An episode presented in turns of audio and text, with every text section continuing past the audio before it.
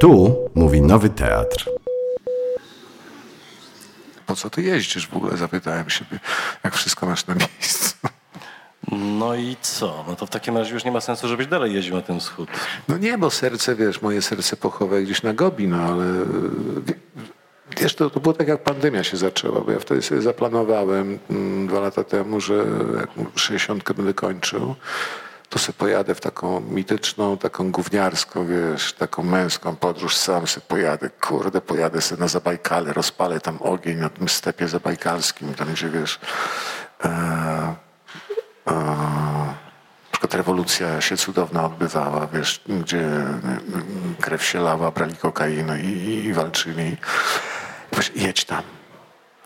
I tam, tam, tam sobie e, 60 obyć, ale zaczęła się pandemia. Ja mówię, nichuchu, nigdzie nie pojedziesz, synku, po prostu nie da się. I pojechałem znowu nad Bóg. Myślę, no kurczę, super, jestem nad Bugiem. No, jaka to różnica? Trochę mniejsza perspektywa, jest trochę krótszy horyzont. Nie, oczywiście czaruję tutaj, wiesz, i kokietuję, ale, ale, ale coś jest na rzecz. No tym wiesz, jak masz 60, to wracasz do dzieciństwa gdzieś. No tak, ale wiesz, bardzo szybko połączyłeś to dzieciństwo z Gobi. Wiesz, no jednak mimo wszystko polski wschód em, i ten daleki wiem, eurazjatycki wschód, wiesz, ten, nad którym, ten, którego jedni się boją, wiesz, przez Dugina, innych fascynuje. No gdzieś tam w tobie już widzę od jakiegoś czasu siedzi i mam wrażenie nawet, że kiedy jeździłeś jeszcze po Europie Środkowej, jak Pan Bóg y, przykazał, y, to, to najlepiej się czułeś chyba właśnie tam, gdzie ta wschodniość najbardziej uderzała, wiesz, czy to w delcie Dunaju, wiesz, czy to w jakichś miejscach, gdzie to się wszystko rozpuszczało. Masz rację, bo to chodzi o płaskość, pewien rodzaj płaskości. Wiesz, jak się jedzie na te Bałkany, to Europę Środkową, to jednak jest, wiesz, ciasność. Jest, są te góry, są te półwyspy, wiesz, jest e, ten... A kiedy wyjeżdżasz Białostockie i przejeżdżasz Bóg i masz świadomość, że to, to płaskie się ciągnie 8 tysięcy kilometrów, no to jest. No to jest, jakbyś stanął na, na, na brzegu oceanu, wiesz, że to jest gdzieś oczywiście skrótowo i prowokacyjnie, że, że, że to jest jakaś jedna cywilizacja mniej więcej, no, że nie ma granic ge- geograficznych przede wszystkim. Jest płaskość, płaskość, płaskość. W, nie wiem, wpłynąłem na suchego przestwór oceanu, to płynę aż do Władywostoku, no tam z tym jednym garbem, nie wiem, Uralu na przykład. No to prawda, Ural to jest taka trochę ściema, takie trochę świętokrzyskie takiej No nie, to ma 2000 wiesz, metrów, ale, Ale nie tam, nie? Ale nie, wiesz, jak przyjeżdżasz ten rol, pamiętasz z, nie z Borisem Karloffem, tylko z Omarem Sharifem e, doktora nasz O mój Boże. Pamiętasz? Oni uciekają gdzieś na wschód i przejeżdżają Ural. To jest w filmie powiedziane i to są góry typu alpejskiego. No właśnie prostu- tak, zawsze mnie to śmieszyło. Tak? Jak pierwszy raz zobaczyłem Ural i przejechałem przez niego, taki Beskid niski, tylko trochę, trochę wyższy gdzieś. No. Że tej granicy właściwie nie ma. No. Właśnie wiesz, i to jest najbardziej straszne, bo tak naprawdę wiesz, mam wrażenie, że gdzieś ta Europa ma takie, ma takie wrażenie, gdzieś tam wiesz, graniczące z nadzieją, że mamy coś w rodzaju takiego wielkiego muru jednak, wiesz, odgradzającego nas, wiesz, od tą, przed tą Eurazją, a tu gdzie? Tam Nie mamy. Ro- Ural, co? Rosja jako wielki mur jest najwyżej, wiesz. Szeroki mur płaski. No ale to widzisz, jak sobie, jeżeli lubisz płaskie, no to sobie wybrał tą, ten, ten Beskid tak, No to niski jest Beskid, najniższy Beskid w Polsce. no wiesz, ale nie jest to Beskid płaski. Ale, ale jest prawie płaski, są najniższe przełęcze, zawsze wojsko tamtędy przychodziło, jakiekolwiek, jakiekolwiek armie, to ciągnęły przez Beskid Niski, na drugą stronę Karpat, czy w jedną, czy w drugą. No ale płaskość jest chyba, wiesz, ta fascynacja górami to jest taka egzotyczna, taka, wiesz, Polska niezwykle, a tak naprawdę w tym sercu to masz płaski horyzont, gdzieś krajobraz Mazowiecko, ten e, radomski na przykład, a a potem sobie zdajesz tego sprawę, że on się ciągnie, że to jest ober, ober krajobraz, to jest nadkrajobraz, no ten wiesz, nizina turańska, wiesz, wyż, wy- wyżyny się czasami zamieniające. I to jest super, no. To o czym my rozmawiamy, przecież opowieści mamy rozmawiać mojej. No właśnie idziemy tak stronę tej powieści, idziemy, tylko wiesz, mówisz, że płasko, mówisz, że się zaczyna, mówisz, że nie wiadomo, co tam dalej będzie. Albo właściwie wiadomo, bo tak naprawdę przecież to wszystko jest to samo, ale jednak powieść leży, dzieje się na granicy. Na miejscu, przez które bardzo trudno jest przejść, czyli nad Bugiem. No ale granicy, na granicy, której nam ustanowio, którą nam ustanowiono znowu. Niby tak, no ale wiesz, jednak musi być tutaj ten przewoźnik, prawda, który, ten Haron, który, który, który, który, który wozi tam od Niemca do ruskiego, od Polaka do Polaka, od Żyda do Żyda, od księdza do knajpy i tak dalej. Czyli jednak wiesz, no ten, ten, ten, ten ceremoniał przejścia jednak jest tutaj istotny. A, bo wiesz, no Polska chyba jest w ogóle, myślę, że Polska to jest jeden wielki rytuał przejścia, wiesz, między wschodem i zachodem. Nie uważasz, że to jest taki te terytorium przejściowe, po prostu, że to jakby nas określa, labilność taka i przejściowość? Jak najbardziej uważam i dlatego właśnie, wiesz, ja to sobie bardziej staram jakoś em, ten, ten pejzaż właśnie, ten hiperpłaski w jakiś sposób e, sprawić, żeby był bardziej przytulny, czyli właśnie, wiesz, jakby czepiam się tych Urali, wiesz, tych jakichś wzniesień tam suwalskich i tak dalej. A ty, ja widzę po prostu, że jakby był stół, to byłoby najlepiej. Jakby, wiesz, wszystko zniknęło. Jak ty to piszesz, uległo łagodnej anihilacji, dojechać do miejsca, z którego można tylko wracać. to po co wracać? Wiesz, no, być może mną rządzą w większym stopniu niż tobą uczucia metafizyczne. Czyli, A, to na pewno, to na pewno. Nie wiem, ostateczności zaniku, kurczę, przekroczenia tej naszej e, człowieczej powłoki, która tak chce się zachować i tak cały czas istnieć, jak, jak ta Polska cały, cały, cały czas chce istnieć. Może ona by się tak, wiesz, rozprężyła i zniknęła, właśnie anihilowała. Może Polski nie było w tej nicości między niemieckością a, a wschodem, rosyjskością. Nie, nie wiem. Nie wiem, no, książka jest, książka jest o pejzażu rzeczywiście, bo to ja, ja, chciałem napisać pejzaż dzieciństwa, który strasznie mną, do Warszawy niby urodziłem, niby mieszkałem tutaj dosyć długo, 25-6 lat, ale pejzaż e, wypraw do dziadków, stan rodzinny, ojcostwa, czy matki nawet w jakimś, bliżej Warszawy wprawdzie, ale kształtował mnie tak naprawdę i pomyślałem, że trzeba hołd temu złożyć, temu, co za każdym razem, kiedy zamykasz powieki, co ci się wyświetla. E, jaki, jakie obrazy, jakie barwy, jakie zapachy ci się wyświetlą. Mam nadzieję, że przed śmiercią, że, że to będzie jak powrót do łona matki, że jak będę umierał, mam nadzieję szybko, to w ostatnim e, błysku gdzieś zobaczę to nadburze moje. O tym chciałem napisać. Cała reszta, wiesz, jest, no, no wiadomo, no to jest powieść, więc musi być przemoc, musi być historia, musi być mordowanie, musi być, wiesz, no, no jakiś seks tam musi się znaleźć.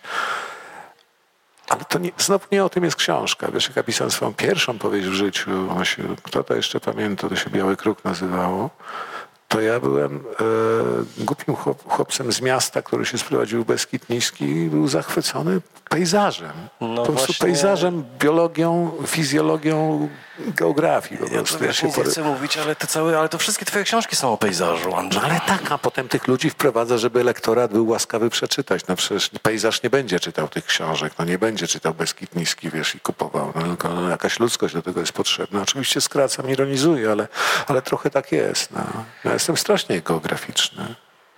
Nie na darmo jak e, Dunia Wąsowicz jeszcze z Jarkiem Klejnowskim zrobili tak, taką skandaliczną książkę, to był słownik pisarzy e, urodzonych e, w latach 60., to ja tam występowałem z tym, z, ze zdjęciem Elizy Orzeszkowej. tak było, nie? Wiesz co, ty jesteś geograficzny, to prawda, ale właściwie przez cały czas od tej geografii uciekasz, wiesz, no bo ty jakby wchodziłeś w tę geografię, będziemy rozmawiać o twojej książce spokojnie, ale ostatniej. Ale wiesz, e, podróże do Europy Środkowej, czy na Bałkany i tak dalej, to okej, okay, tam była geografia, tam było szukanie, wiesz, tych wszystkich geograficznych e, odnośników i tak dalej, a ty tak naprawdę jeżdżąc na wschód, ty się raczej wyzwalasz od tej, od tej, od tej geografii, wiesz, bo ty jakby dopiero wtedy czujesz się dobrze, kiedy Zrzucam nic nie ma, wiesz, tak. kiedy, kiedy, kiedy jedziesz samochodem i nie musisz się zatrzymywać, wiesz, i opieprzasz jakiegoś Niemca, który, który, który chce z tobą zwiedzać jakieś e, rosyjskie miasta, bo właściwie tam wszędzie to samo. Nie, no, rosyjskie miasta się różnią. To nie jest tak, że wszędzie jest to samo, ale masz, rację, że, że, że, to jest ustępstwo, wiesz, w literaturze, w mojej literaturze, ustępstwo na rzecz e, rzeczywiście czytelnika, że ja tam wprowadzam jakąś fabułę, coś takiego. No. Ja bym chętnie pisał o tym, co widzę. Po prostu widzę, widzę, widzę. No. Wiesz co? Jakaś taka pazerność, zażartość jest, że to zniknie, to w pieprzy, wiesz, zostanie unicestwione, więc chociaż można o tym napisać. No. A więc to ty to zjadasz? No zjadam, no. Czyli trawię, się żywisz? Żywię i trawię to i potem e, ten... Ten no. krajobraz jak, z, jak z, z momentu stworzenia, po prostu dojeżdżasz do miejsca, w którym już wszystko zjadłeś. To Nie, już, już nic nie pozostaje. uwielbiam dojeżdżać do miejsc, gdzie nic nie było wcześniej, do, do krajobrazu takiego pierwotnego, wiesz, po to jeżdżę na ten cholerny wschód, wiesz, po to jeżdżę do Mongolii, e, gdzieś na stepy, żeby zobaczyć to, jak e, świat przed stworzeniem człowieka pewnie wyglądał. Nie, nie, nicze, niczego nie ujmuje Imperium Mongolskiego. Mongolskiemu. Nie, nie, nie. Oni zrobili wielką rzecz, ale jednak zostawili tą ziemię czystą. Jak kiedy zniknęli, to, to wiesz, to, to jest w Mongolii fas, fascynujące, że ich władza nie zostawiała śladu. Po prostu była nagą, czystą władzą. Organizacją przestrzeni, organizacją, wiesz, e, geografii politycznej, a potem, gdy, gdy przepadli, to właściwie poza paroma klasztorami, poza, wiesz, jakimś tam Harchorin, jak mówią, czyli Karakorum, nic nie zostało z tej wielkości, z tego, wiesz, z tego podboju niesamowitego do oceanu, do oceanu. To jest jakaś taka opowieść o, nie wiem, metaf- o czystej władzy, o metafizyce władzy. No fajnie, fajnie się z tobą gada, bo to tak mniej więcej jakby się ciebie, jakby się ciebie czytało, bo to jakby wchodzisz, wchodzisz w takie, w takie, w takie No dobra, to mówmy chwilę- po ludzku, Ziemo. I za, Dobra. chwilę, I za chwilę powiesz coś, co e, kiedyś próbowałem ci policzyć e, w, we wszystkich chyba twoich książkach. Jak często używasz frazy dojechałem do miejsca, z którego można, można tylko wracać? Dwa razy. No. A nie, z 10 co najmniej, potem przestałem liczyć. Ziemek, ja napisałem Ale- kilkanaście książek. Ale to jest super. I wiesz, i w gruncie rzeczy to jest bardzo konsekwentne. Bo tak naprawdę dojechałeś do miejsca, z którego można wr- wracać i wróciłeś właśnie tu. Wróciłeś właśnie do miejsca, wró- wróciłeś nie do Beskidu niskiego czy Beskidu płaskiego, tylko właśnie do miejsca, z którego się wywodzisz. Właśnie w to łono wróciłeś. I o tym jest ta książka tak naprawdę, mam wrażenie. W dodatku jeszcze jest o tych czasach, o których bardzo często wspominasz, że to są wspomnienia Twoich bliskich, Twoich przodków, które gdzieś tam się pojawiały e, na początku właśnie tego, tego Twojego mitologicznego czasu. Właśnie to, że przyszli Niemcy, że była ta granica, że chcieli zabić Twoją babkę, tylko się skończyły jakiemuś tam Niemcowi- P38 się zaciął. Wyobraź No sobie, widzisz. niemiecki pistolet się zaciął. To jest kolejna legenda, wszystkim- że jednak technologia niemiecka zawodzi czasami. No tak, no dzięki temu jesteś tutaj między nami i możemy o tym rozmawiać, ale... Właściwie masz rację. Chociaż nie, moja mama już była na świecie wtedy, bo to jest jej opowieść. Jej opowieść. Byłem kiedyś w tym miejscu, zupełnie przypadkiem, o którym opisujesz, y, które opisujesz. Y, Rozumiem, że tam siedziałeś w krzakach przez jakiś czas, w namiocie, w, dokładnie w tym miejscu, w którym dzieje się y, ta, ta, ta powieść. No wiesz, ona się dzieje mm, na przestrzeni no, kilkudziesięciu kilometrów wzdłuż tej rzeki. No, siedziałem w krzakach po jednej i po drugiej. Jak Mongolia została zamknięta, to si- siadywałem tam. Ale też nie, nie, nie tylko dlatego, że Mongolia, bo wiesz, mam perwersyjną skłonność, że jak jadę do Warszawy odwiedzić rodzinę, wpaść do rodzinnego miasta, to nadkładam około 200 kilometrów, żeby tamtędy przejechać. Nie wiem, coś takiego jest no, w pejzażu, że, że, że masz wrażenie, że że wchodzisz do czegoś, co cię, nie wiem, ożywia może albo wzmacnia, to oczywiście fikcja, to jest wyobrażenie, no ale chcesz tam być. Chcesz tam być, że to jest coś pierwotnego, czego możesz jako człowiek dotknąć no, fizycznie, materialnie, nie jakoś tam metafizycznie, religijnie, gdzie, gdzieś zobaczyć te rzeczy, które widziałeś jako młody chłopiec i które cię uformowały i próbujesz jako stary facet wrócić do nich. I czasami się udaje. Czasami patrzysz na to i kurwa, tak, tak, to jest ta jasność, to jest to lśnienie. To jest to, jak, jak, jak świat potrafi istnieć, jak ci zadaje to cudowne, ten cudowny cios w serce, od którego umierasz. Kiedy oglądałem stare zdjęcia z tego, no jednak miejsca, w którym to wszystko się dzieje. Z Drohiczyna im przysłałeś Tak, tak, kiedyś. tak, tak, no właśnie. I Tak. czy to było, tak, widziałeś to zdjęcie wcześniej? Nie, nie widziałem wcześniej. Bo ono, bo ono zupełnie przypadkiem pewnie, ale jest dokładnie takie same jak y, okładka tej książki. To znaczy y, jest tam chyba klasztor jakiś na drugim brzegu, Tak. rozlany Bóg y, i człowiek, właśnie przewoźnik z czółnem. No i pomyślałem sobie, że to byłoby właśnie fajne, gdyby to właśnie to zdjęcie gdzieś tam ci dało do głowy tego lubkę, który Wiesz, Lubka mi się zjawił po prostu. Zjawił mi się, pamiętam, przeprawy przez Bóg. Po prostu przewóz był stałą jakby, wiesz, e, instytucją w latach 60., 70. wczesnych. Po prostu łodzie pływały. E, A Drohiczyn e, to jest kawałeczek dalej. Większe wrażenie zrobiło na mnie tam jest zdjęcie rynku drohiczyńskiego, kiedy stoją takie budy, stragany podejrzewam żydowskie, gdzie w dużej części żydowski był Drohiczym. I w tej, w, e, dzisiejszych czasach takie tam pawiloniki, niby takie nowoczesne, takie, takie, takie współczesne tam jak rynki po rewitalizacji dokładnie tą formę od, e, odtwarzają. Tylko są technologicznie, architektonicznie inaczej zrobione. No tak, to prawda, ale dlaczego właściwie zakodowałeś te miejscowości, a nie używałeś prawdziwych nazw? Bo to... Ziemek, bo ja tam chcę jeździć jeszcze. Zawsze się mogę wykręcić. Ale wiesz, nawet Bury ci wyszedł taki właściwie poczciwy. Na początku niby wiesza człowieka, a potem jednak okazało się, że to jednak w sumie jest... A, ty ich nie znasz. Tam naprawdę się biorą za łby jeszcze o przeszłość. Naprawdę się biorą. Wiesz? No ja nie wątpię, zresztą wiem, ale, ale wiesz, bo to mnie, to mnie, to mnie zaciekawiło. To znaczy... Mm... Nie, bo to jest fikcja, od razu ci mówię. To jest fikcja. Ja nie, nie piszę reportaży, nie piszę książek historycznych. Chciałem, wiesz, tak jak e, co w Białym Kruku są zaszyfrowane miejscowości Beskidu Niskiego, miasteczka, wsie. I tak jest, no tak jak, czekaj, jaką opowieść napisałem, e, dziewięć, to nie jest Warszawa, chociaż wszystko się odbywa w Warszawie. No, bo nie, bo mam takie prawo, jako powieściopisarz mam prawo tworzyć światy fikcyjne. Jak ktoś tam sobie kombinuje, że to ja, to, to, to, to, to, to mnie, no to proszę bardzo, ale to siła literatury jest, ale, ale nie to był moim zamiarem. O tym mówię ci, Ziemek, ja tam jadę za trzy dni. No. Nawet nie wiesz, co tam co się może spotkać. No. A skąd ten pomysł właśnie, żeby to przewoźnik był, żeby to przewoźnik był bohaterem? To znaczy, wiesz, to jest trochę w pewnym sensie niekonsekwentne, no bo jednak ta granica, ja się będę opierał, tam ją postawiłeś bardzo mocno, wiesz. Mimo, że właśnie tych granic, jakby braku tych granic szukasz, a tutaj nagle pyk, główny bohater no ale co, no to, to, to, nie ja postawiłem, tylko Sowieci yy, i Niemcy, jakieś takie żywioły, które zawsze się przetaczały górą ponad yy, głową naszej dumnej ojczyzny i organizowały jej życie. To oni postawili tę granicę. Wiesz, ty mnie pytasz, jak to jest, a ja nie wiem, jak to jest. Ja zobaczyłem pierwszy obraz, zanurzenie wiosła i płynie facet.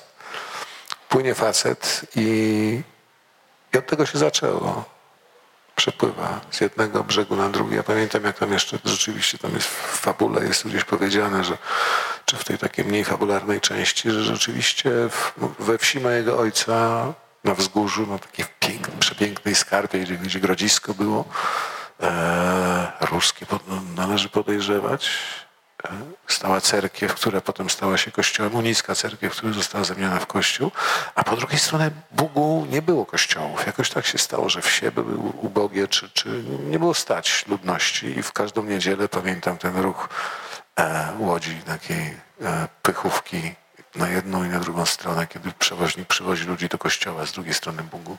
Niesamowite dla chłopca z miasta, który to oglądał, tak pradawny jakby, wiesz, tak pradawny obraz, tak wiesz, żeby wiesz, przez rzekę się przeprawiać w zupełnej ciszy i wychodzą wiesz, świątecznie ubrane kobiety, mężczyźni, wiesz, troszeczkę podpici oczywiście, ale też świątecznie ubrani i się na to, wiesz, kościelne wzgórze i potem kończy się msza i znowu ich się w absolutnej ciszy przez tą, wiesz, zieloną rzekę dzieciństwa ktoś przewozi na drugą stronę. Takie obrazy zostają. No. Wiesz, to była też granica pomiędzy kongresówką a mm, Rosją podczas rozbiorów. To nie jest tylko wiesz, ta granica, w sensie jakby tam gdzieś przez cały czas była ta mm, różnica między jednym a drugim brzegiem zaklęta. Ty w ogóle widzisz tą różnicę pomiędzy właśnie tym brzegiem a tamtym teraz? Oczywiście, że widzę. We, we swojej własnej wyobraźni przede wszystkim ją widzę. Co to jest za różnica? Wielekroć tą o, frazę wykorzystywałem. Kiedyś siedziałem jako tam dwunastolatek albo trzynastolatek z miasta Warszawy, który przyjeżdżał do, do dziadków, do wujostwa i siedział z tymi wiejskimi chłopakami na tym brzegu, na, pod tym mm, cerkwią, która, która kościołem była już. I myślę, tam jest Białostockie. Z takim kurwa jakby Jezu, jakby tam się Azja zaczynała. Bo tam rzeczywiście cudownie płasko tu stromem rzeka, tam jest taka płaszczyzna, takie wygony, jak na polskie warunki to prawie step i się stada, jakieś bydło się, bydło się pasie, konie się pasły. To była granica. No, granice są potrzebne, granice, wiesz, wyobraźnię uruchamiają, ale co? No przecież sam uważasz, że na Wiśle to jest jakby limes. Ja też tak uważam. Wiesz, no, my teraz jeszcze jesteśmy w Europie Środkowej, ale przejedziemy, wiesz, przez most i będziemy we wschodniej, to jest prawda. Ale wiesz, naprawdę to widać, w sensie nawet, nie wiem, nawet, nawet polne drogi są jakieś takie inne, wiesz, takie bardziej przynajmniej gościńce, są szerokie, są proste, tam po drugiej stronie, a po tej takie bardziej takie, jakieś takie kręte dróżki, wiesz. Zwróciłeś na to uwagę, że tam się zaczyna właśnie taki, no inna organizacja przestrzeni, odrobinę inna, ale jednak, ale jednak trochę inna. Nie, zwróciłem tę uwagę na to, że te wsie były cudowne, były wiesz, e, wierzby w kupie, a potem e, dookoła była tak zwana kolonia, czyli takie hutory rozrzucone, wiesz, takie wyspy, tak jak w książce, że są wysokie topole, w które napierdalają to e, zawsze pioruny, bo piorunów nie znano jeszcze. I takie hutorki w sensie właściwie ukraińskim, takim wiesz, rozrzucone gdzieś. To się w, w, takiej rzeczywistości dzieje, bo mój dziadek i mój wujek w takich mieszkali. Była wieszczyna skupiona gdzieś koło dawnego dworu, który przestał istnieć koło kościoła i te właśnie takie rozrzucone pojedyncze gospodarstwo o 300, o 400 metrów. Kiedy zapadała noc i cisza, to się dalekie takie światełka gdzieś pojawiały i to aż strach tam pójść jest. No. Ale to oni mieszkali po tej drugiej stronie? E, po której? Po tej, po tej stronie mieszkali. Po naszej. Po naszej, nie, po, po niemieckiej. Po niemieckiej stronie mieszkali. No. Chociaż opowieść rodzinna jest, że z tamtej strony przywędrowali, wiesz, ale... No masz Puk na końcu nazwiska, A. więc... E, tak jest, prawda? Ja no. Nie wiem, co to... Ale wiesz, jak wchodzisz na te moje cmentarze tamtejsze, no to wiesz, no, same Iwaniuki, Romaniuki, wiesz, i tak dalej leżą. Tutaj leży zabity nauczyciel, tutaj leżą ci, co go zabili, czyli wiesz, 46 rok, wiesz, tutaj wyklęci, zastrzeleni, tutaj zastrzelony przez wyklętych. Taka okolica jest. Ja o tym nie piszę, no, o tym ja, ja, piszę o początkach, o to, że, że, to, że to może być sugestia, wiesz, że ten siwy zostaje, wiesz, jakimś tam burym na przykład. Bo nie chciałem, nie mam na tyle jakby topetu ani wiedzy, ale i to jest takie bardziej niepewne. No na dzień dobry tam się ktoś myli, nawet nazywa go burem, ale dostaje za to okrzan, że to żaden bury, że siwy. Jestem siwy. No wiesz, tak, ale e, w jakiś sposób mnie to chwyciło za serce, że nawet, wiesz, takiego ostatniego skurwysyna zrobiłeś człowieka w tej książce. A wiesz, jak ja chciałem z niego skurwysyna zrobić? No właśnie ja... widzę, że próbowałeś, ale ja ci, jak... bo ty nie, dobry człowiek jesteś, Andrzej. Nie do końca, wiesz, skurwysyna, ale chciałem zrobić z niego wojownika, wiesz, tego, czego e, w polskiej opowieści historycznej, wojennej brakuje, bo jak jest ten pieprzony kmicic, to on musi jakiegoś nawrócenia doznać po prostu, nie wiem. A nie ma takiego zwierzęcia wojennego, no, które świadczy o tym, że, że naród jest waleczny po prostu, że, że, że nie jest moralny, tylko po prostu walczy o przetrwanie i chciałem z siwego coś takiego zrobić. I też go, też go nienawidziłem, ale kurwa nie wyszło, rozumiesz? No nie wyszło. No właśnie, prostu. no właśnie widzę. Strasznie go, ja go strasznie polubiłem. Wiesz, ja, wiesz, jak zaczynasz pisać książkę, przecież nie wiesz, w co się postać zmieni. No, przecież nie masz zaplanowane, że jest od punktu A do punktu B, że on tu przemianę moralną przejdzie albo nie przejdzie. Wiesz, ni hu, hu po prostu prowadzi cię, stworzysz postać i patrzysz, jak ona wędruje. I zawędrowała tam. Wiesz, nie wiadomo, dlaczego on to na końcu zrobił. No. Nie wiadomo tak, no, to jest wszystko dwuznaczne bardzo, jak wszystko w tej książce. No, czy, czy dlatego, że, że tak mówisz, jakby uczciwość i moralność nakazywała, czy no, jego paranoiczna dyscyplina wojownika. Nie wiadomo, ale zrobił to. Uważam, że dobra scena jest ostatnia. Prosta, w czterech słowach ujęta. No ale tak czy owak, wiesz, e, zastanawiałeś się, kogo na końcu zabić. Wyszło. Z tego co wiem. Wyszło po prostu. Wyszło i nigdy nie wiem. W swoich powieściach nigdy nie wiem, co będzie na końcu, bo Ziemek, bo to jest najbardziej fascynujące, że za, za, zaczynasz pisać historię i nie wiesz, jak ona się skończy. Co po chuchu pisać historię, o której wiesz, że tutaj będzie tak, tutaj będzie tak, że wszystko jest rozrysowane, a tu nie wiesz, no wiesz, dajesz im jakąś takie literackie życie i oni z niego korzystają i mają cię w dupie po prostu. Mają naprawdę cię w dupie. Ty ty, Stasiu, tylko tego polskiego języka używasz, żeby nas tutaj jakoś, wiesz, w miarę pokazać, a my robimy swoje. Bo no. wiesz, ja jestem pisarzem naiwnym, naprawdę. Tak jest. Wiesz co, to jest... Znaczy, ja też ja się zgadzam z tym, że e, najlepiej jest pisać tak, jakby się coś oglądało, wiesz, żeby samego siebie zaskakiwać i tak dalej. Ale ta książka wygląda, ona jest. Ona, ona wygląda na strasznie przemyślaną, wiesz, wbrew temu, co... Wbrew temu, Ziemek, ja i myślenie, proszę cię. No właśnie też się dziwię, ale, ale jednak mimo wszystko wiesz. Nie. ostatnią, ksią- ostatnią, powieść, ostatnią powieścią, którą napisałeś było Taksim. Taksim było, wiesz, Taksim ja widziałem pomysł, który był, ale jakby twoja natura opowiadacza, właśnie twoja natura tego, wiesz, słowo... e, Słowotoku. Słowolejstwa. Słowotoku. Które jest bardzo urocze, ale wiesz, tam jednak, wiesz, wylała ta tama, jak nawet na europejs- europejskiego pierdolenia, jak mówi tutaj Krzysztof Warga, który gdzieś się znajduje. No i pewnie ma rację, tylko że wiesz, właśnie ta książka jednak ona wygląda na, naprawdę wziętą w ryzy. Ty tam nie wiem, albo, albo wyrzuciłeś połowę tego, co napisałeś, po prostu zostawiając same, wiesz, same samogęste. Nie, chciałem powieść napisać po prostu, normalną powieść, zdając sobie sprawę, z czego się składa. Słuchaj, Taksim jest, ja ci powiem, jaka jest geneza ta- Taksimu. Jak skończyłem Babadak, to mi strasznie było mało. Pomyślałem, że jednak zrobię tą licencję e, dla elektoratu no, i fabułę napiszę na ten temat, ale jak widać nie do końca się udało.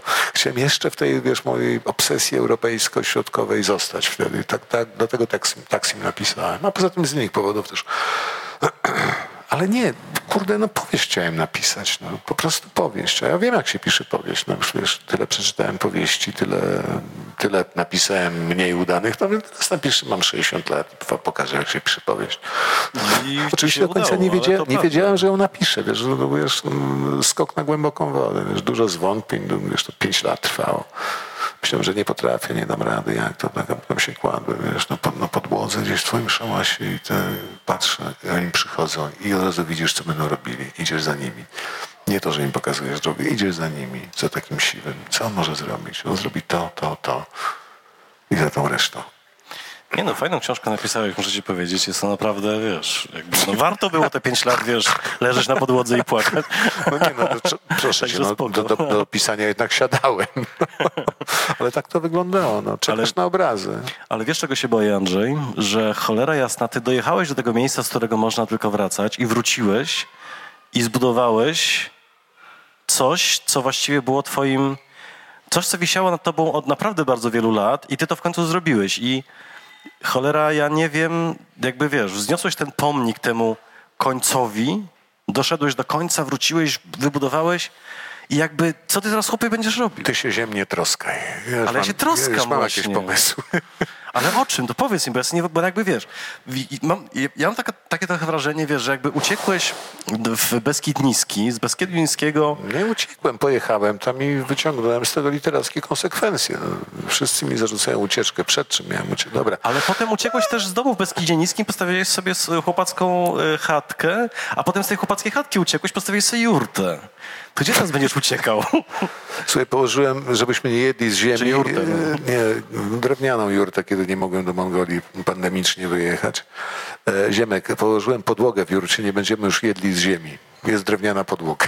A wiesz, że powstał festiwal literacki bazujący, bo e, była taka sytuacja, że kiedyś przyjechaliśmy do Andrzeja z, w- z, no, z taką no, dość dziwną grupą, między innymi był Konrad Góra. e, No, super grupa była, naprawdę.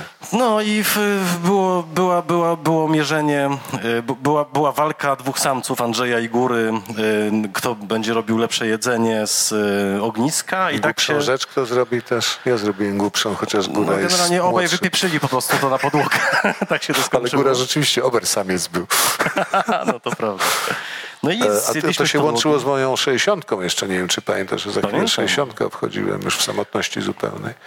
Wszyscy pojechali, ja zostałem z tym, wy... nie, no, cudowne, jakiś kocioł taki ważyliśmy na, na, na, na palenisku, tam było jakieś dużo warzyw, tak gęstym bardzo takie to było te i bardzo treściwe i pożywne i smaczne mam wrażenie. I tak się od tego przy, przy, się wypierdoliło na ziemię po prostu. Zaczęło wsiąkać taki wielki kocioł jedzenia i trzech kretynów albo więcej z łyżkami zżera to z ziemi, zanim wsiąknie. Bo żal zwyczajnie. Że ziemek teraz jest ten, jest podłoga. Będzie można jeść z podłogi już nie z ziemi, jak się wywali ten kocioł spokojnie. No to ja nie wiem, no masz podłogę w jurcie, za chwilę sobie, nie wiem, zainstalujesz tam w, w, w water closet, nie wiem. No ale Co- co, co się dzieje? Ale co ty robisz? No, Ty chcesz mnie sprowokować do tego, że co? Żebyś zerwał podłogę z jurty. No nie, położyłem ją. Tysiąc złotych kosztowało łącznie z opanowaniem tych moich kochanych majstrów, którzy tak piją, że dzięki. E, Góra teraz organizuje festiwal jedzących z podłogi, nie wiem czy Nie, wiesz. nie, jedzący z ziemi zorganizujemy. Jedzący z Tam ziemi, jedziemy i jedziemy z tym, z naszym kolegą wschodnim kolejnym, fantastycznym. Z Milczarkiem. Z Milczarkiem jedziemy z wybitnym pisarzem. No też tam będę. Wiem, no. Słuchaj, ale, Ale- wracając, ale właśnie uciekłeś mi, no, no bo kurczę, wiesz, no co, wiesz, no, ty naprawdę już zrobiłeś to, co miałeś zrobić. Znaczy, biorąc pod uwagę, że ta Europa Środkowa była taką trochę ślepą kiszką, zresztą nawet wygląda jak ślepa kiszka, wiesz, ten cały, to całe polskie podbrzusze, wiesz, kończące się bał, Cała Bałkanami. Europa wygląda jak ślepa kiszka, wiesz, a nie No więc właśnie, no i teraz wiesz, jakby zachód, do zachodu podchodzisz z takim tak, tak, z um, całkiem uroczym lekceważeniem, do Europy Środkowej Nie, wiesz, wszyscy mówią, że ja podchodzę do zachodu z e, lekceważeniem. Uroczym. Nie, wiesz, inni innych słów używają. Mnie po prostu, kurczę, jakby staram się wyciągać e, konsekwencje z miejsca, w którym się urodziłem i żyję. No. Już nie będę udawał, że jestem człowiekiem zachodu, że ten zachód mnie jakoś pociąga, bo mnie nie pociąga. No, sorry, no, byłem tam, widziałem. Nie działa na wyobraźnię. Ale, ale nie można, wiesz, tego od razu opisywać jako, wiesz, antyzachodnio się jakoś. Jak, Nie, ja wiesz, tego tak nie, tego po tak nie prostu, po prostu opisuję. są różni pisarze, którzy mm, interesują się różnymi rzeczami. No ja się interesuję akurat tym, czym się interesuję, a, ten zachód zostawiam e, barbarzyńcom w ogrodzie i tej całej reszcie. No. Nie. No. Kto, ktoś się musi tym zajmować. Po tym to jest kręcące. Masz rację, Boże, jak się czyta te kompleksy właśnie, wiesz, Herberta i tak dalej. To straszne, Boże, to jest tak straszna żenujące, książka. wiesz. To Tak, jest straszna tak, no to- książka. Piękna, ale też straszna. Tak, mnie, mnie, mnie, mnie, to, mnie, to, mnie, mnie to aż flaki wywraca. No ja pewnie z tego kompleksu próbuję się wywikłać. Pewnie gdzieś go mam, wiesz, wczytany jako Polak, tak jak ta moja matka, wiesz, e, cudowna kobieta, już nieżyjąca, bardzo prosta zresztą. I jak ja jeździłem do tych swoich ukochanych krajów i jeździłem, mamo, to ja do Rumunii pojadę. A, jak do Rumunii pojedziesz? A potem zacząłem jeździć coraz dalej, coraz dalej. I kiedy mama już była trochę chora i taka zrezygnowana, e, i mówię, Andrzej, no co mamo? Przecież w gazetach o tobie piszą, w telewizji pokazują, jesteś pisarzem. Ja bym chciała, żebyś na ten zachód jeździł. Czułem się jak zdrajca. To brzmi jak anegdota, ale czułem się jak zdrajca. Przecież moja mama była wschodnia kobieta, absolutnie. E, ale wybrałem a jakby opcję serca. No. No i znowu kolejny lewak zdradził Herberta. Czemu nie Herbert? No bo nie Herbert, no. bardziej Miłosz, jeżeli Dobrze, już. dobrze, dobrze. Bardziej ja, Miłosz. No Miłosz Był- też właściwie pisał to samo co Herbert, tylko w sposób bardziej miękki. Co, tylko że Miłosz to był zupełnie... On jednak potrafił jakoś jakby się zorganizować przeciwko temu tak zwanemu się tożsamości, to, tożsamości swojej, wiesz, bronił, jakby nie, nie, nie, sprzedawał tanio skóry. Ja wciąż wracam do tej cudownej anegdoty miłoszowskiej. To jest o tym, jak on w 30 latach ze swoimi przyjaciółmi młodymi płynie gdzieś kajakiem, gdzieś, gdzieś Dunajem spływają. No to w wielu miejscach, w ostatnim felietonie o tygodnika nawet to gdzieś sobie przywołałem, płyną tym kajakiem i ich wypierdoliło po prostu gdzieś w Szwajcarii, wywaliło, kajak popłynął hu, hu, hu gdzieś i, i nie ma. I Miłosz się znajduje w jakimś szwajcarskim miasteczku i wpada w panikę, bo, bo widzi ten właśnie porządek, oberporządek szwajcarski, e, oberporządek zachodu, a jest młodym chłopakiem, więc z tego Wilna, spod Wilna przypłynął i nie wie co robić, nie ma pieniędzy. Idzie przez to miasteczko i w takim dramatycznym, e, ale heroicznym geście wychodzi za nie, za to miasto. To jest w rodzinnej Europie bodajże. I zagrzebuje się w liście w szwajcarskim lesie i czuje zapach Litwy i zasypia taki uspokojony. Przepiękne. No. No tak. Słuchasz instynktu, no, zwierzęcego czegoś. No. Ale z drugiej strony w Bałtach pisze o tym i podkreśla, jak bardzo od tej Sowiecji różniła się ta cywilizacja, wiesz, mieszczaństwa litewskiego, wiesz, że ciepła woda osobno, zimno osobno. No wiesz, ale on rurki, tam nie, zagrze- nie zagrzebał się w sowieckie liście, kurczę, tylko w liście dzieciństwa. A no gdzieś. właśnie, no właśnie, no właśnie. Gdzie jest ta granica? Na Bugu? Lubko przewozi? No jaka granica? Co ty mnie pytasz o granicę, granicę s- No e, spotkanie jest, może coś... sowietyzmu? Gdzie jest granica sowietyzmu? Nie, Andrzej, nie, nie. Co jest twoje, co jest właśnie to, nie wiem, to dalej, to rozpuszczone, to Ober płaskie, ten Beskid płaski. Ziemek, nie wiem, ja sobie to wybieram po prostu, wiesz, jako spryciarz sobie Ale wiesz, tak jakbyś sobie miał to usystematyzować, bo właśnie kurczę, mam taką lekką obsesję systematyzacji i próbujecie przepisać i do cholery jasnej właśnie nie wiem, gdzie ty to masz, co jest twoje w takim razie i czym to się różni. Nie wiem, kurczę, no. Może pewna nieoczywistość, może pewna, wiesz, otwartość na to, że, że jestem otwarty, wiesz, na, na wiatry ze wschodu i zachodu. No. Może okej, to jest, okej. że, że jestem mieszańcem po prostu, miszungiem, jak mówią Niemcy. I to jest cudowne być kundlem, ja też. Jestem kundlem. Dobrze się z tym czuję. Nie chcę być rasowy, nie chcę być przypo- przyporządkowany do jakiejś rasy. E, z tym przyciskasz po prostu. No tak, no, na tym to polega. No nie, ale ja się migam. No, Nie wiem, ziemo, chciałem napisać kurde książkę o pejzażu, chciałem napisać książkę za przecież Ale zawsze o ty jesteś, pejzażu, ty jesteś młody, ty jesteś gnój przy mnie, wiesz, więc nie pamiętasz jak, nie, być może cię krzywdzę i, ale Nie moje no, dzieciństwo, te mi 60 miód na lata serce, no. naprawdę były, pod, no, były, były ogarnięte wojną. Cała narracja, cała opowieść, prędzej czy później ciotek, babek, wujków zsuwała się w wojenność, zsuwała się w coś, co, w coś, co najważniejsze było w ich życiu. No. Próbowałem też o tym napisać, że bez wojny nie istniejemy, że, że wojna nas organizuje. Że być może potrzeba nam wojny, żebyśmy się nareszcie zintegrowali. O kurwa, stary, to wiesz co, to y, jeżeli ta integracja ma wyglądać tak, jak em, wyglądały rozmowy oficerów w twojej książce, to było zresztą cudowne.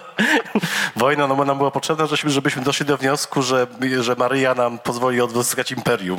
To było piękne po prostu. Z jednej strony Rusy, z drugiej Niemcy, a ci siedzą i pierdolą takie kocopoły, że się Ale co, z, z oficerem, czy z, tą, czy, czy z proboszczem? Z oficerem. Jeden i drugi, i z tym poznaniakiem, i z tym, e, i z tym proboszczem. No właśnie, no z Wielko, Geopolityczne tezy, które Z Wielkopolski był ten, ten kapitan, no niestety, to nawet siwy nie mógł tego wybaczyć, że szarżą był niższy. Masz coś z tą Wielkopolską. Pisałeś dosłownie, pamiętam tak, że i ten barani upór, żeby mit założycielski państwa umieścić na wschodzie, znaczy na zachodzie, Na zachodzie. w Gnieźnie. No proszę bardzo, Nie, tylko no- zawsze to się kończy jakimiś podrabianymi Niemcami. No Ziemko, no to była prowokacja przecież, no, była No ale przecież potem się pojawił, przecież potem się pojawił y, Wielkopolanin tutaj, którego upiłeś, zostawiłeś w jakiejś knajpie po- podejrzanej. Którą Żyd prowadzi w dodatku. I najprawdopodobniej garka karczmasz. wodę w, zwinęło Wiesz, no i kurczę, zabiło. proza, znowu ci mówię o powieści, że, e, o, o pisaniu powieści, że sztuka na kontrastach się zasadza. No, zrzucasz Wielkopolanina, kurczę, na, na Podlasie i po prostu jest gotowa, go, gotowa narracja. No. No tak. Po gdzie, gdzie, gdzieś musisz to, wiesz, sprzęgać, zbijać gdzieś na plebejskość, e, nie wiem, e, z tą parą żydowską, która jest, wiesz, no, kosmopolityczną, cudowną parą i wpada w tą rzeczywistość polską i są bezradni zupełnie. Ty, a ten Wielkopolanin też jest twój? No, Przyszedł mi do głowy, no. Co Nie, to- ale powiedz mi, w sensie jak to, to, co jest twoje, to czy Wielkopolska też jest twoja? No, jakoś tak, ale ja tam się czuję obco. Właśnie, jak tam się czujesz? Słabo jest się, bo tam płasko jest ten... Kładziesz się na podłodze i nie wiesz co co... Słuchaj, gdzie ja byłem ostatnio? W Opolu byłem, gdzieś na jakimś spotkaniu byłem i jak zwykle pojechałem sobie pick-upem, mam tam wiesz, w tym pick-upie wszystko tam tak. I chciałem takie miejsce na tym w Opolskim znaleźć, żeby sobie e, wysiąść z pick-upa i sobie e, kawę zrobić na maszynce, tak karimatkę rozcielić i kurwa jeździłem ze dwie godziny, żeby znaleźć takie miejsce. Nie było, wszędzie było uprawione. Jakiś taki skrawek lasu znalazłem i tak jak kretyn się czułem. Tam po prostu jakby złodziej, który se kawę robi na maszynce, wiesz, w tym porządkowanej. To, wiesz, ale to nie jest wina Poznańskiego, tylko moja, no.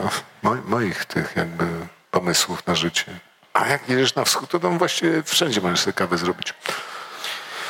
No właśnie niesamowity jest też wątek e, tej żydowskiej pary, która ucieka właśnie za tym marzeniem, Tak. Które jest absolutnie nierealne i oni w gruncie rzeczy o tym wiedzą doskonale, ale mimo wszystko idą i bo cholera zdradziło ich to miejsce, które w gruncie rzeczy też powinno być ich, uważam. Jakby i mówię to z całą odpowiedzialnością, powinno być ich, bo oni tutaj mieszkali tysiąc lat. I tyle co Polacy, tyle co my. I nagle po prostu, nie wiem, nie mamy jednej ręki, bo nam odrąbano rękę, a my nawet nie czujemy bólów fantomowych. Wiesz, I- no to nie no, bez przesady z tymi bólami fantomowymi. Tam jest opowiedziane dokładnie, że jak oni lądują w tej plebejskiej Polsce, z której byli wyalienowani zupełnie, bo to wiesz, jednak no, no, No jasne, się, to jest taka, wiesz, kosmopolityczna, wyszedł przepiękna para, ale jednocześnie jak lądują w tej plebejskości, to, to, to są bezradni, a jednocześnie zafascynowani. No. I, No tak samo jak ja warszawianie, mówię, którzy jeżdżą, etnograf- wiesz, na- Tak, jak, jak, jak inteligencja polska, która próbuje na wieś pojechać No. i też tam widzi etnografię.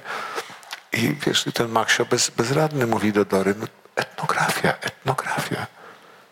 Wiesz, te rozprawy o świńskim mięsie, o słoninie, o świętości tego świńskiego mięsa.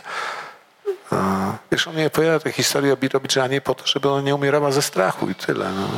On w to nie wierzy. No jak można do Birobidżanu dojechać? Jest, on śpiewa Bandera Rosa gdzieś po pijanemu, ale wiesz... No i Nie, tak to, się... to wiesz, na kontrastach, wszystko na kontrastach. No, musi być, wiesz, e, musi być żydowska kosmopoli- kosmopolityczna para przepięknych dzieciaków, które ląduje, wiesz, w polskiej prowincji i musi być, wiesz, chłopak z prowincji, który patrzy na tą, wiesz, na Dorę i prostu jak na boginię, wiesz, kiedy, wiesz, ten młody patrzy na nią, gdzieś tam, kiedy na wschodzie słońca się, wiesz, obmywa swoje ciało. Potem mówi, zabiorę cię do swojej wsi i cię ocalę. A jak nazywa się twoja wieś? Sobibór No, tak. bo to jest jeszcze przed akcją Reinhardt. I to wieś spokojna, wieś wesoła, którą wiesz, kapitalnie opisuje, a tam za chwilę wiesz, będą go płomienie w niebo strzelały. I to była jedyna niezakodowana nazwa własna. Słucham? To była jedyna niezakodowana nazwa własna. Przyszło mi w ostatniej chwili, wiesz, naprawdę. Kiedy sobie myślałem, on tam mówi Włodawa, nie Włodawa. Sobibór.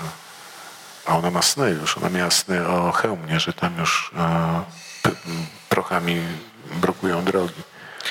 No ale tak czy owak ten młody chłopak skończył na seksie z, no powiedzmy, córką ziemi. Takiej naprawdę...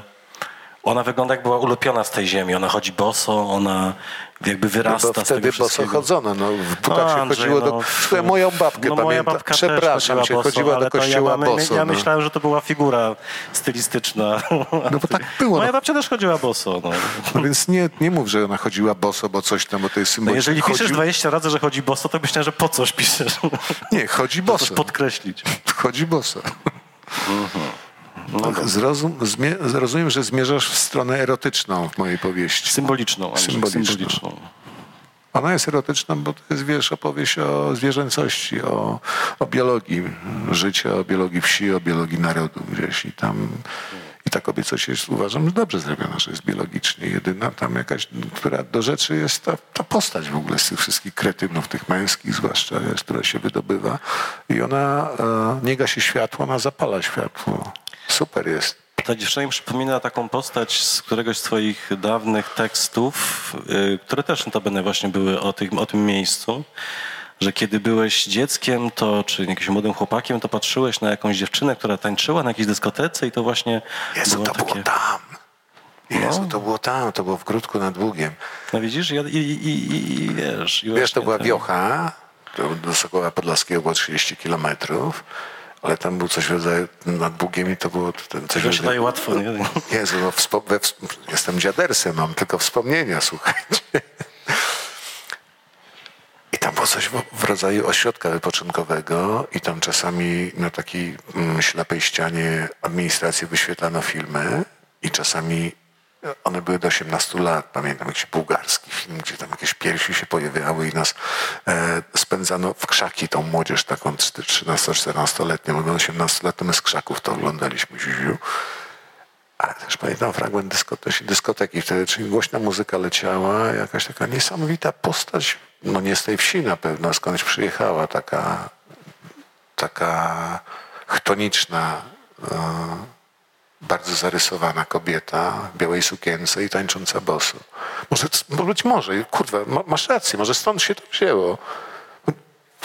Wytarłem to, to się pojawiło gdzieś tam wcześniej. Tańcząca solo po prostu z uniesionymi No rękami, nie wiesz, z tego- pięknymi piersiami, wiesz, z takiej bia białej sukience, wiesz, rozkloszowanej, tak, tak, opalona, kręcąca się w kółku dla trzynastolatka. Sorry, no to kurde mol. To, to nie jest, ona miała 20, 23 Andrzej, to lata. dokładnie to Czekaj, samo, co dokończę. Czekaj. Być może to jest ślad, no, że te bose stopy to, to Ślad. No. Nie mogę się od razu nie, przyznać. nie, czekaj, bo Tam babka chodziła boso. wiesz.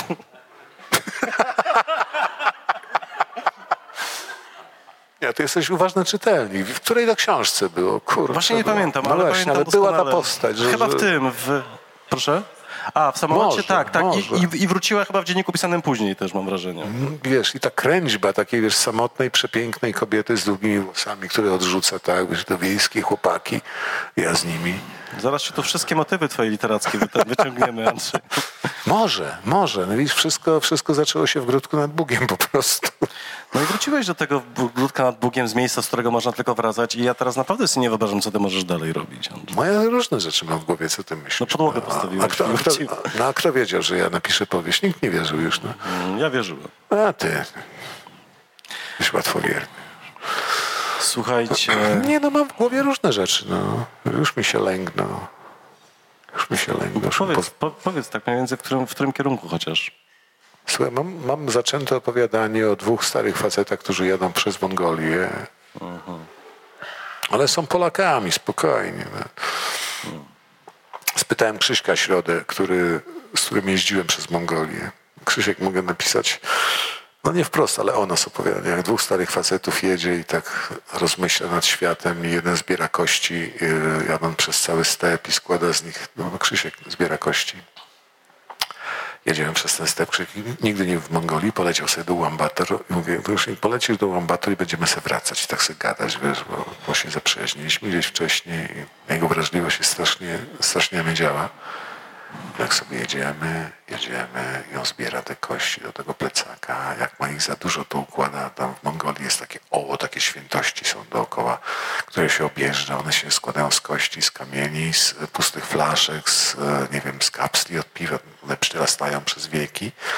Krzysiek zainicjował parę takich oło i naszą tą pomysłem jest wrócić i zobaczyć, czy rzeczywiście Mongole, Mongołowie uznali to za świętość i to dokładają. No ale huhu. Jedziemy sobie przez tą Mongolię on zbiera te kości do plecaka, zbiera i potem oddaje mi te rzeczy swoje, już te ubrania. I ma cały plecak kości i dojeżdżamy do ruskiej granicy. Ja na tym się orientuję, że to dziwne jest, że on przewozi plecak kości przez granicę. Idziemy do ja ruskich... się dziwię, że to wtedy się do... Idziemy do ruskich pograniczników, a Krzysiek znacznie lepiej od, po rosyjsku ode mnie mówi, on mówi bardzo dobrze.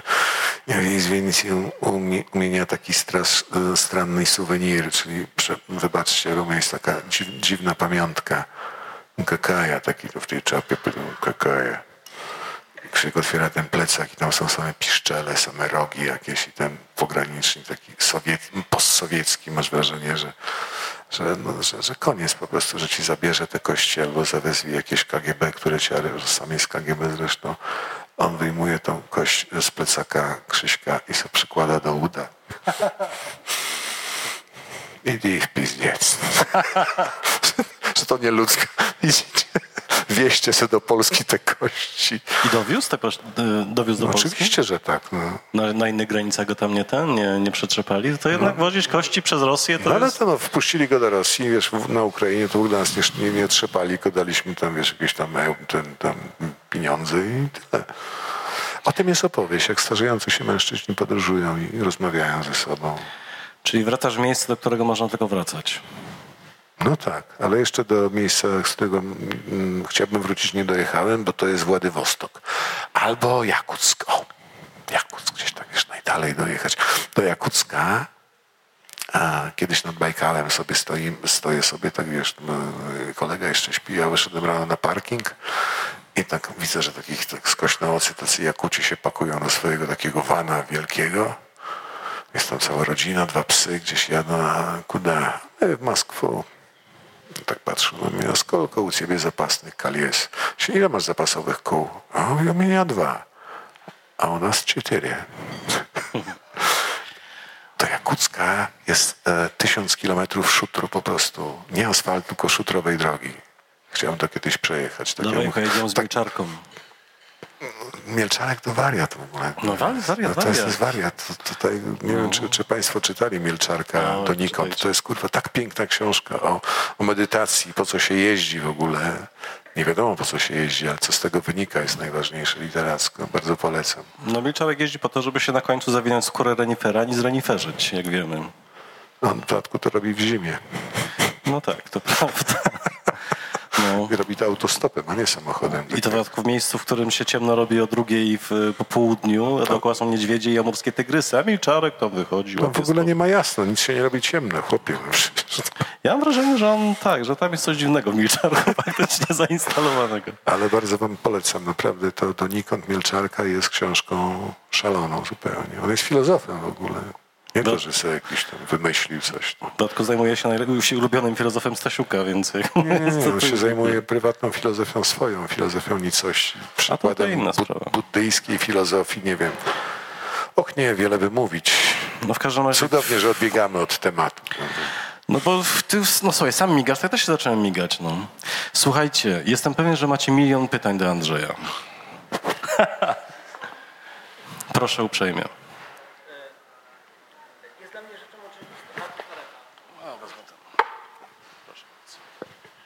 Dzień dobry, czy też dobry. dobry wieczór, Artur Kaleta. Jest dla mnie rzeczą oczywistą, że nie jest pan człowiekiem, e, znaczy, że nie jest łatwo pana przestraszyć, ale czy e, nie odczuwał pan jakiegoś niepokoju w taki sposób opisując e, tych wyklętych?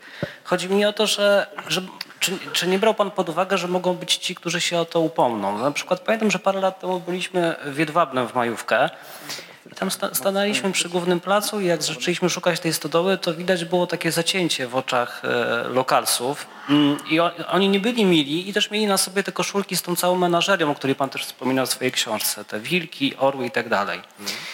I właśnie przypomniała mi się taka historia, jak e, tam Olga Tokarczuk kiedyś, e, kiedyś też w jakiejś wypowiedzi, e, o swojej wypowiedzi zaczęła mówić o pierwszej Rzeczypospolitej, o Podolu XVIII wieku i też, no i potem mm, jakoś ją hejtowali, nie? Mówili, że jej zrobią krzywdę. No i tak jak już wspominałem na początku, zakładam, że pan się na pewno e, niczego nie boi, natomiast nie brał pan pod uwagę tego, że, że, to, że może być jakiś, e, jakiś odzew ze strony tych, którzy się upomną. Znaczy, no, no właśnie tych, którzy noszą te całe, Wie pan, tę chyba całą nie. menażerię. Nie znajdą go, bo Wie mają pan, co to jest się tak, w że-. E, Wiesz, wie pan, to jest e, nazwane menażerią w tym, w literaturze, gdzie by to fajnie we frazie wyszło, ale to nie jest menażeria moim zdaniem, to gdzie, gdzieś ma swoje źródła, ja jakoś, jakoś istnieje, ale nie, nie obawiałem się, poza tym to nie są wyklęci, to jest 41 rok. Z tego mogą powstać wyklęci. To jest 41 rok, jeszcze partyzantki nie było tak naprawdę w tamtych stronach. Ostatnia partyzantka to był Hubal w Kieleckim. To się wszystko gdzieś mieszało, organizowało. Dopiero stąd ten jakiś kapitan gdzieś z Wielkopolski przyjeżdża, pewnie próbuje coś zrobić. E, tam się pojawiają wyklęci współcześnie, ci biedni chłopcy, kurczę, którzy gdzieś wychodzą z jakichś opłotków. Z takich. To są autentyczne obrazy, nie są zmyślone. Ta druga, druga wersja, jakby druga, druga narracja tam. Nie, ale jacyś chłopcy do mnie pisali rozhistoryzowani, że znowu ci Żydzi są tacy inteligentni, a ci Polacy tacy głupi.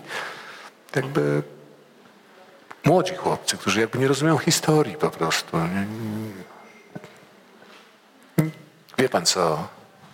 Ja rozumiem e, opowieść o wyklętych gdzieś.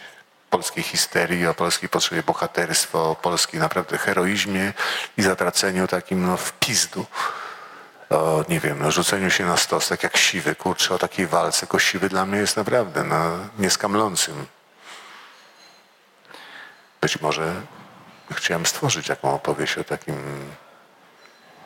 nie wiem, no wyklętym, ale nie tylko z polskiej historii, tylko w ogóle o takim wojowniku. Na koniec końców wyszedł ci wcale nie taki zły człowiek.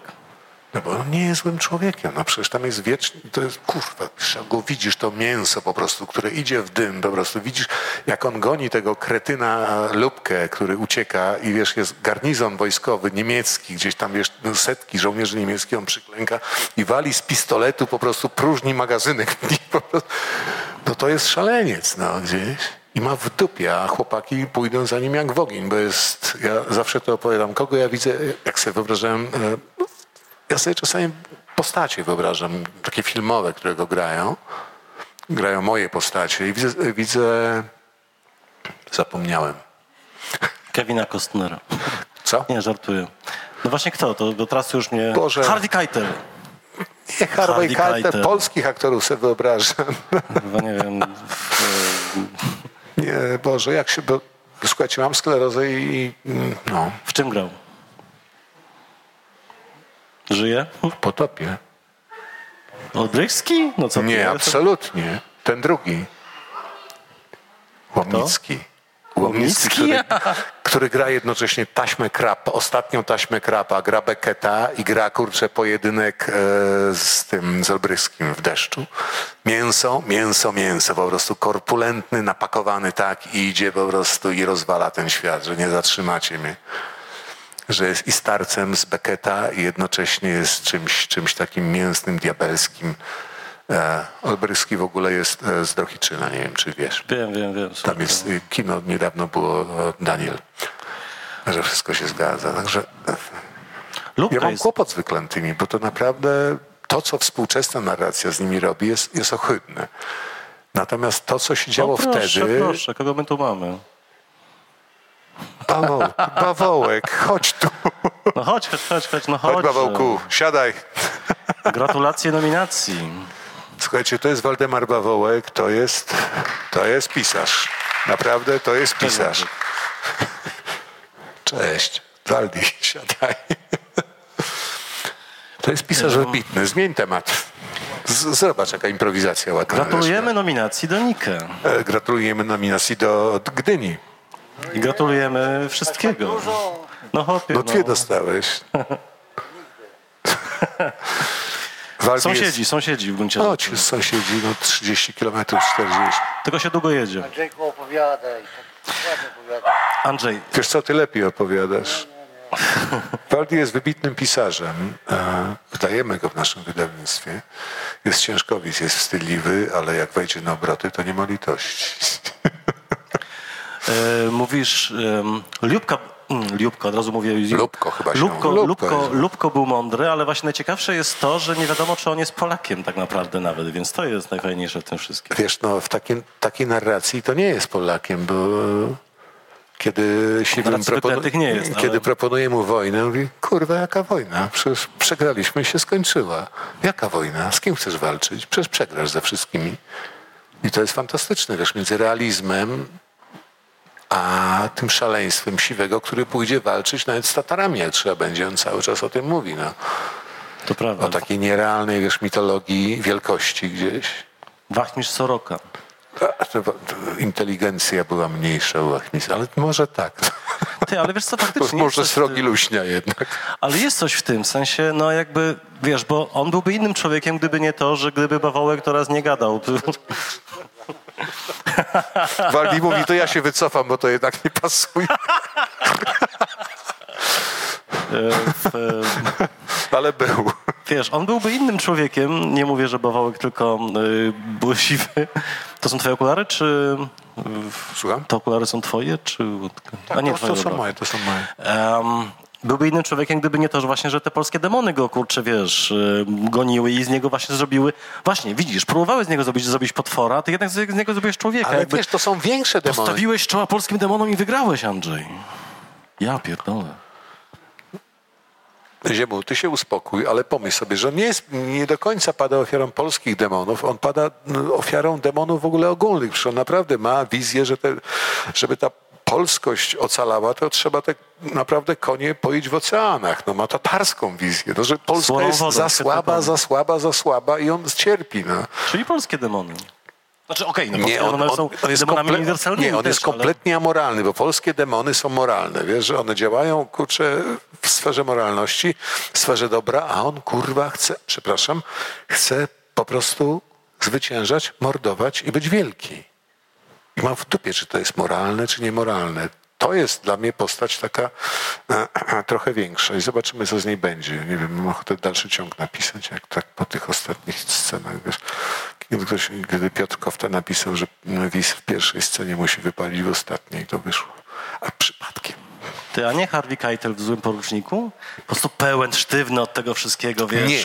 Ja myślałem, wiesz, że, że, że ja myślałem o tej książce jako westernie, wiesz? Jako o takim dramacie. To się tym polskim, kurczę, filmowcom w Hollywood udało. Reaktywować jakby, wiesz, ten dramat antyczny. E, ja- wiesz, jedyne filmy, jakie oglądam z wielką przyjemnością i pasją, to są westerny i antywesterny. Wybaczcie Państwo. I próbowałem coś, coś takiego napisać, ale się nie dało, bo Polska musiała tam być. Amerykańskim westernie prawie nie ma Ameryki. Jest dramat, jest pejzaż, jest kurczę spięcie charakterów, jest, jest, jest przekleństwo. A ja próbowałem coś takiego, ale ta Polska zawsze, jak Czyli ten jednak wąż nie się wygrałeś z tymi polskimi demonami. Czyli faktycznie I ta. Polska jak wąż tam się gdzieś wlizgiwała właśnie gdzieś pomiędzy te moje ambicje zrobienia westernu, antywesternu. Przecież jestem fanem Pekimpaka. Chciałem coś takiego zrobić jak dziką bandę, ale nie wyszło. No, nie wyszło. Nie można w Polsce No tak, dzika jest- banda ci poszła w rozsypkę. Wygrał chłop, który nie wiadomo kim. Chociaż akurat Lubka jest bardzo westernowy. On nie wiadomo kim jest, nie wiadomo skąd jest, nie wiadomo po cholerę on jest. Maryśka wygrała, wiesz, jest ta Tak. zdradzę trochę, zespoileruję, wiesz, jak, No, ona tak. za, jak oni wszyscy wychodzą i ona podkręca tą lampę w stodole i przez te szpary światło dobiega, ona wygrywa tak naprawdę. Wygry, wygrywa baba. Wygrywa baba, kobiecość wygrywa w tej książce, nie ty, ci opętani kretyni gdzieś. Bo ja jestem sprytny i wiem, czym kaczka wodę pije w dzisiejszym czasie. Ale to akurat wiesz, myślę, że jest uniwersalne. Myślę, że każdy tak naprawdę w głębi duszy chce, żeby to Czekaj, nie te głupie chłopy głos, rządziły. e, głos, e, I właśnie wstałem, żeby oddać go dalej. Go, go, go, go, go, go, go, go, go. Kto? Proszę bardzo. Ta książka się kończy tak dość nagle. Yy, Specjalnie to jest jakaś cezura, granica, otwarcie dalszego ciągu. Yy, Ona mogłaby się jakoś rozwinąć moim zdaniem. Nie, moim zdaniem ona się kończy cudownie, proszę pana. Ona się kończy jak western. No i plus ta, ta, ta, ta naddatek tej nadfabuły gdzieś tam. Ona się kończy tym, że ojciec narratora, który jest stary, bez pamięci, owładnięty, nie wiem, czymś w rodzaju amnezji, tak jak uważam, że nasz naród ostatnio steruje w stronę amnezji, chodzi z latareczką po swoim domu i oświetla tym krążkiem jakieś fragmenty, żeby cokolwiek z tego jeszcze zrozumieć, zanim jego umysł się rozpadnie na kawałki. Już się rozpada. Taki jest koniec tej książki. Ale fabularny jest, kurde, kapitalny, uważam. I strzeli mu między oczy. Kurwa, po prostu. No. Tak miało być. Tak miało, nie no. Oczywiście, Tak wyszło. mo- oczywiście można napisać dalszy ciąg, no. 47 rok. Kim jest siwy wtedy? Na przykład jest rekinem, którego zabiją właśnie żołnierze, bo jest tak nieznośny, tak opętany i tak pijany, że wyklęci zabiją wyklętego. Dość mówią. Albo Maksiu. Słucham? Albo Maksiu. Go zabije. Albo Maksiu, który dociera do Birobidżanu i albo nie dociera, ale wraca. O tym myślałem, że, że, że wraca kabulisty. komisarz. No. Też myślałem o tym, tak jak Zygmunt Bauman. Myślałem. Tysiąc rzeczy mi przychodziło do głowy. Jakieś pytania? E, Okej. Mamy... Mirku? Mamy pytanie z Facebooka od pani Beaty. Czym jest dla pana Andrzeja bezczas? Ej, to jest strasznie e, ja, niezrozumiałe dla mnie bezczas. Ja to tylko przekazuję niestety. Pani Beato, e, trudno mi jest to zrobić, e, się opowiedzieć o tym bezczas. Wie pani co? Gdzie pani jest tu na tym Facebooku? Ja ostatnio czuję coś innego. Ja czuję nieustanny niedoczas w tym wieku, że za, za mało czasu na wszystko. Tak czuję. Chciałbym czuć bez, bezczas. To było w wieku lat 25-30. Teraz czuję niedoczas absolutny. Że... Ale przecież ty jedziesz tą bezprzestrzeń, właśnie dokładnie w bezczas jedziesz. Ty jedziesz tam się zatopić. Ziemek, przecież, czu- przecież czuć w twoim głosie tanią prowokację. Nieprawda no wcale. Ja ci tylko podpowiadam, żeś panie Beacie z Facebooka powiedział coś. No. No ale ja pani nie możemy, mówię, ja, ja kaczka pani, wodę pije teraz nowymi mediami, Andrzej. No jakby portale społecznościowe. Podpadam pani Beacie zupełnie osobiście, że czuję niedoczas po prostu, bo jestem dziadersem i no, tak to wygląda. Bezczas. Czułem, o wie pani, kiedy czułem bezczas? Jak mi się wydawało, że jestem nieśmiertelny, co tak minęło około czterdziestki. Wcześniej wszyscy czujemy, że jesteśmy nieśmiertelni i ta cudowność ist- istnienia się nigdy nie skończy. A potem jednak się okazuje, że się kończy. Kończy się. Kończy się i Korona wieńczy dzieło. Uważam, że to jest książka, która naprawdę powinna się wyświetlać nad Andrzejem jako taki awatar. Ziemek mnie chowa w tej chwili. Nie no, przecież masz pomysł na książkę o dwóch ziomkach w Mongolii jeszcze. Nie no, mówię o dwóch e, Polakach starych, którzy jad- jadą z Mongolii i sobie różne historie. E, I tyle, no, ale ja, to są Polacy. Nie, właśnie, ja uważam, że to jest jadą- książka, je- która, od której możesz, wiesz, która, która, która jest kurhanem, na którym staniesz i będziesz budował jeszcze większy, wyższy kurhan. Nie, inny kurhan Nie? będą. Weź z tymi kurhanami, w co mnie tutaj manewrujesz? Napisałem historię, która się w miarę czyta ma Indoeuropejczycy. 400 stron, no, dzięki uprzejmie, niektórzy piszą, piszą po 900. No. E, także wiesz, no to, to, to tutaj nie, nie ma żadnego cudu, no, jest powieść, jest powieść. Czy ktoś jeszcze ma pytanie? Bo inaczej on będzie gadał. Tak, bo ja będę gadał, no. Już, już. Tutaj proszę. E, To jeszcze takie pytanie, e, też trochę nie na temat. Przyszło mi do głowy coś ciekawego. Kiedy pan wspomniał, że lubi sobie na, nadrobić 200 kilometrów, e, zacząłem się zastanawiać, czy, skoro pejzaż jest ważnym elementem dla pana jest pejzaż, ale jak widać chyba są też, jest też e, pokonywanie dużych odległości. I w zasadzie jak wyglądałoby życie Andrzeja Stasiuka, gdyby, gdyby nie samochody, gdyby nie można było podróżować daleko? No właśnie. No, nie, po- Andrzej. nie podróżowałby. no.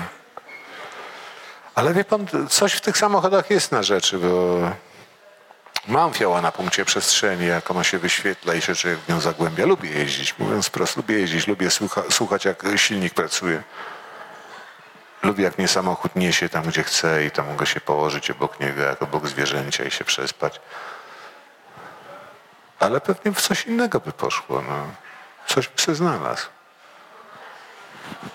Ale tak, wie pan, ja bardzo późno zacząłem jeździć. W byłem z biednej rodziny, nigdy samochodu tam nie było. Prawo jazdy zrobiłem, jak miałem 36 lat i jakby swoje marzenia spełniłem. Bo tak się okazało, że ca- cały czas marzyłem o tym, żeby jeździć samochodem.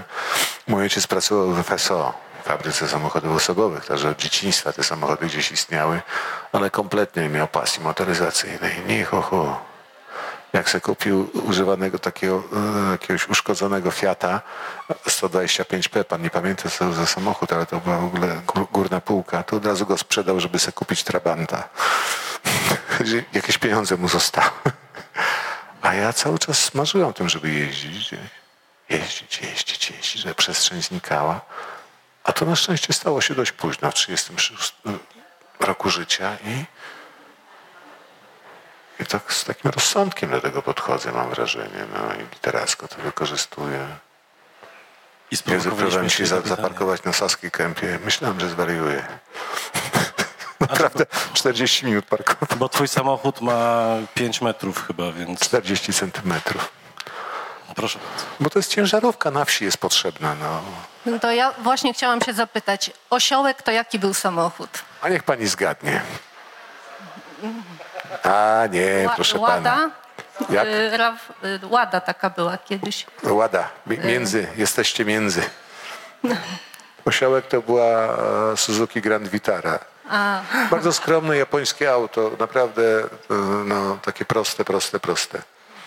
No ale pojechało gdzie miało i wróciło. Nie, no jest jakby opowieścią no, miłości do samochodów. No. Słuchajcie, bo zaraz się zaczniemy rzucać już w tłum, jak, jak, jak raperzy, bo już tak wyszliśmy poza... Właśnie tak od...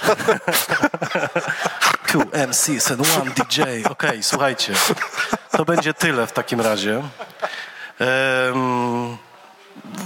Wcześniej Andrzej tak fajnie zakończył i że i to jest koniec. Ja powiedziałem, że koniec, wieńczy dzieło, potem zaczął się rzucać, że go chowam, więc musiałem jeszcze raz coś powiedzieć więcej. Ale słuchajcie, wielkie brawa, bo uważam, że książka, którą napisał Andrzej jest niesamowita, jest cudowna ja czytałem ją nie mogąc się od niej oderwać i z wypiekami, naprawdę. Yo, man! Dziękujemy uprzejmie, że Państwo przyszli. Jesteśmy bardzo szczęśliwi. Po prostu opowieść. Proszę uprzejmie. Podchodzicie w maskach.